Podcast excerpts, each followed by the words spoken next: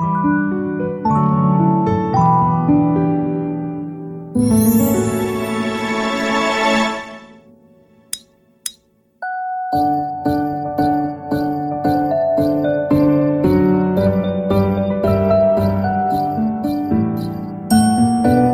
sedang mendengarkan podcast PCM Jakarta. Jangan di swipe dulu. Selamat mendengarkan. Happy listening. Podcast PCM Jakarta.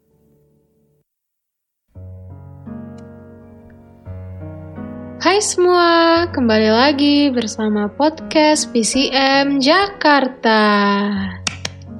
Kembali lagi sama aku, jangan bosan-bosan ya. Hehe.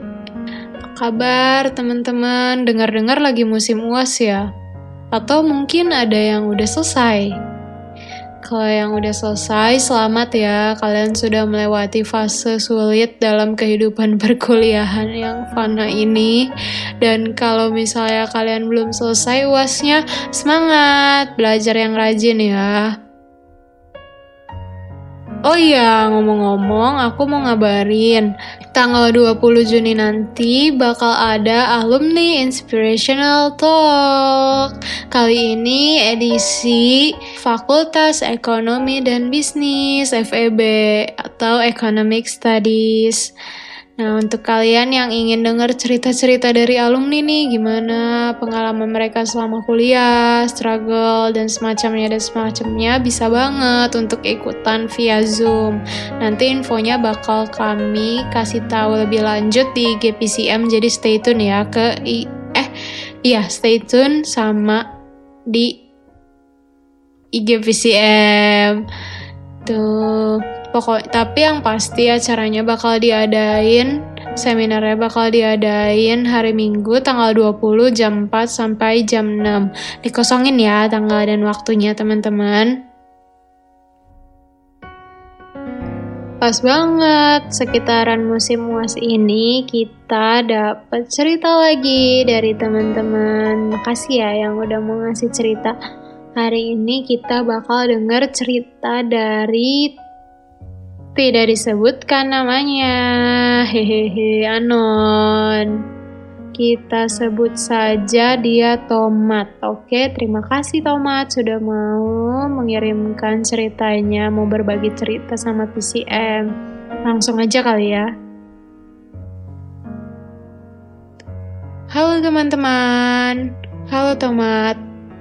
Jadi, aku mau berbagi kesaksian atau cerita tentang pergumulanku dari kemarin nih, singkat aja mungkin. Jadi, aku tuh kuliah di jurusan yang sebenarnya aku, dalam kurung tomat, nggak pengen-pengen banget. Dan akibatnya, hal ini berdampak pada nilai akademis aku, di mana aku merasa sangat kesulitan pada mata kuliah tertentu. Seringkali ada keadaan di ma Seringkali ada keadaan Teh, ada keadaan di mana aku sudah belajar sebaik mungkin, sekeras mungkin, tapi tetap saja materinya tidak kupahami dan tidak sering akhirnya aku mendapatkan nilai jelek di kuis atau ujian. Hal ini membuat aku menyerah pada keadaan dan memutuskan untuk mencontek saja karena ya mau gimana lagi, belajar pun gak ngerti-ngerti. Dan aku juga takut ngecewain ortuku kalau IP aku jelek. Hal tersebut berlanjut hingga mencontek menjadi kebiasaan di mata kuliah itu. Ya sih, nilaiku jadi membaik, tapi aku malah merasa semakin bersalah dan ada yang mengganjal. Ini nggak bener, pikirku. Tapi aku merasa seperti telah terjebak dalam lingkaran jurik lingkaran setan maksudnya. Aku tidak tahu caranya untuk berhenti, dan hal ini menjadi pergumulanku pribadi. Suatu hari, aku diajak temanku untuk renungan bersama. Jadi, kita baca ayat atau perikop Alkitab yang kita mau, yang kita merasa butuh, lalu kita renungkan masing-masing. Setelah itu, kita sharing satu sama eh, setelah itu kita sharing satu sama lain. Saat itu entah mengapa aku kepikiran untuk membaca tentang cerita Yusuf. Lalu aku baca deh cerita Yusuf. Setelah ku baca dan kurenungkan, aku merasa disadarkan. Yusuf mengalami godaan yang cukup besar dan risikonya lebih berat ketika bekerja di rumah Potifar. Tetapi Yusuf memilih untuk setia dan berserah kepada rencana Tuhan untuknya. Dan memang, akibatnya Yusuf sempat menderita di penjara. Tapi bukan berarti Tuhan meninggalkan Yusuf. Di situ aku tersadar mungkin selama ini aku kurang sabaran dan mau melihat hasil instannya saja ketimbang menyerahkan diri dan merendahkan hati untuk melihat rencana Tuhan di balik situasi sulit yang aku hadapi. Aku merasa terlalu sombong, merasa bahwa aku bisa mendapatkan solusi untuk mendapatkan nilai bagus, padahal cara tersebut bukanlah cara yang benar. Well, itu aja sih ceritaku. Kalau ada teman-teman yang berada di posisi yang mirip sama aku, mungkin aku mau ngajak kita untuk sabar bareng-bareng sih. Sih? Oh.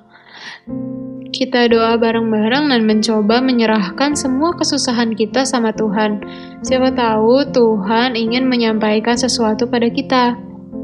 Saat ini, jujur, aku juga masih berjuang sih menghilangkan kebiasaanku yang buruk itu. Tapi dengan pertolongan Tuhan, semua pasti bisa walau pelan-pelan. Doakan aku ya, teman-teman. Itu aja sih, hehehe. Makasih, Tuhan berkati. Oke, makasih ya Tomat atas ceritanya. Makasih udah mau berbagi cerita. Cerita yang ini aku juga relate banget sih sebenarnya sama cerita Tomat karena aku gini banget waktu SMA. Ya mungkin ini nggak relate banget sih secara kalau aku kan ini SMA tapi tetep aja dulu aku tuh paling gak bisa ama yang namanya pelajaran kimia. Mau belajar ampe jungkir balik mau belajar ampe gimana mau pusing atau apa tetep gak ngerti-ngerti gak ngerti gue juga bingung. Tapi ya itu kayak aku juga takut kalau misalnya dapat nilai jelek orang tua kecewa diri sendiri juga merasa tidak berguna dan jadinya ya itu. Tapi waktu itu aku disadarkan oleh cerita senior aku waktu itu. Jadi senior aku itu nyeritain tentang temennya. Nah posisinya itu sama, sama-sama nggak ngerti materi yang udah diajarin padahal udah belajar mati-matian. Tapi bedanya senior aku ini, temannya senior aku itu nggak pernah sekalipun mau nyontek karena kayak membohongi diri sendiri gitu katanya semacam itu mungkin aku udah lupa. Tapi intinya dia nggak suka sama cara nyontek untuk mendapatkan nilai bagus dia nggak suka aja. Dan emang dia nggak pernah sekalipun mau nyontek padahal dia itu sering banget dapat nilai jelek bahkan dapat nilai 0,5 setengah. Ya ampun satu dua tiga awal-awal itu sering kata tem kata senior aku. Tapi temennya senior aku ini tetap gak mau nyontek. Dan sekarang aku dengar ceritanya juga dia udah lulus lulus kuliah. Dan hidupnya fine fine aja. Kerjanya juga bagus. Kayak yang kita khawatirkan tidak terwujud tomat. Ya sebenarnya aku juga nggak ada di posisi yang bener juga buat ngomong kayak gini karena masalah kejujuran itu juga sesuatu yang sedang aku gumulkan gitu, sedang aku usahakan sebaik mungkin karena aku juga per, punya pergumulan di balik itu tapi sebenarnya bisa kok, bisa. Cuman mungkin karena udah kebiasaan aja. Aku juga tertarik sih sama apa yang Tomat dapat dari cerita Yusuf. Kayak iya juga, Yusuf tuh berada di posisi yang perfect buat melakukan tindakan curang gitu dan gak ada yang tahu juga waktu dia digoda sama tante Poti. Kayak sebenarnya juga bisa iya bisa dia iyahin gitu loh karena kalau misalnya dia tolak ya kejadiannya masuk penjara gitu loh. Logikanya kalau mau cari aman, mesti ini logika manusia berdosa. Kalau mau cari aman ya iyahin aja si tante Poti gitu loh. Sekali aja gitu habis itu bertobat. Tapi cerita yang kita tahu kan tidak seperti itu. Yusuf memilih untuk jujur. Walaupun akhirnya dia di penjara bertahun-tahun tapi cerita yang kita tahu juga Tuhan tidak meninggalkan Yusuf kan teman-teman? Karena Yusuf juga memilih untuk tetap setia sama hukum Tuhan. Pada akhirnya, Tuhan juga memberikan berkat pada Yusuf, dan kita tahu akhirnya posisi Yusuf terakhir itu jauh lebih tinggi dibanding posisi dia waktu menjadi orang kepercayaannya Potifar dulu, jauh lebih tinggi. Kalau misalnya Yusuf ngeiyahin tante Potifar dulu, mungkin dia nggak akan ada di posisi dia. Yang sekarang bukan yang sekarang sih maksudnya kayak di posisi dia yang kita tahu gitu di posisi terakhir dia yang dia udah jadi tangan kanan Firaun mungkin dia nggak akan bisa sampai situ. Kadang rencana Tuhan hebat juga ya bener juga sih. Kita nggak tahu. Apa yang ada bakal ada di depan kita dan kita juga pasti butuh sama pertolongan Tuhan. Karena kalau misalnya kita nggak minta bantuan Tuhan ya kita mana tahu otak kita kan terbatas teman-teman siapa sih kita sampai sesombong itu? Kataku kepada diriku sendiri. Semangat teman-teman. Mungkin kita bisa belajar buat peduli sama hal kecil mungkin? Kayak jujur nggak tahu sih. Ini di pandangan aku aja kayak nyontek itu iya nyontek itu sesuatu yang salah tapi kayak dianggapnya sekarang sebagai sesuatu yang normal aja gitu loh. Kalau misalnya nih beda sama waktu kita SD ya kalau misalnya ada orang nyontek kan langsung ih kamu nyontek tapi sekarang nggak tahu ya ini di kampus aku. Kayak kalau misalnya misalnya si ini nyontek gitu. Terus orang-orang yang kayak oh ih nyontek ya udah aja gitu. Ya udah.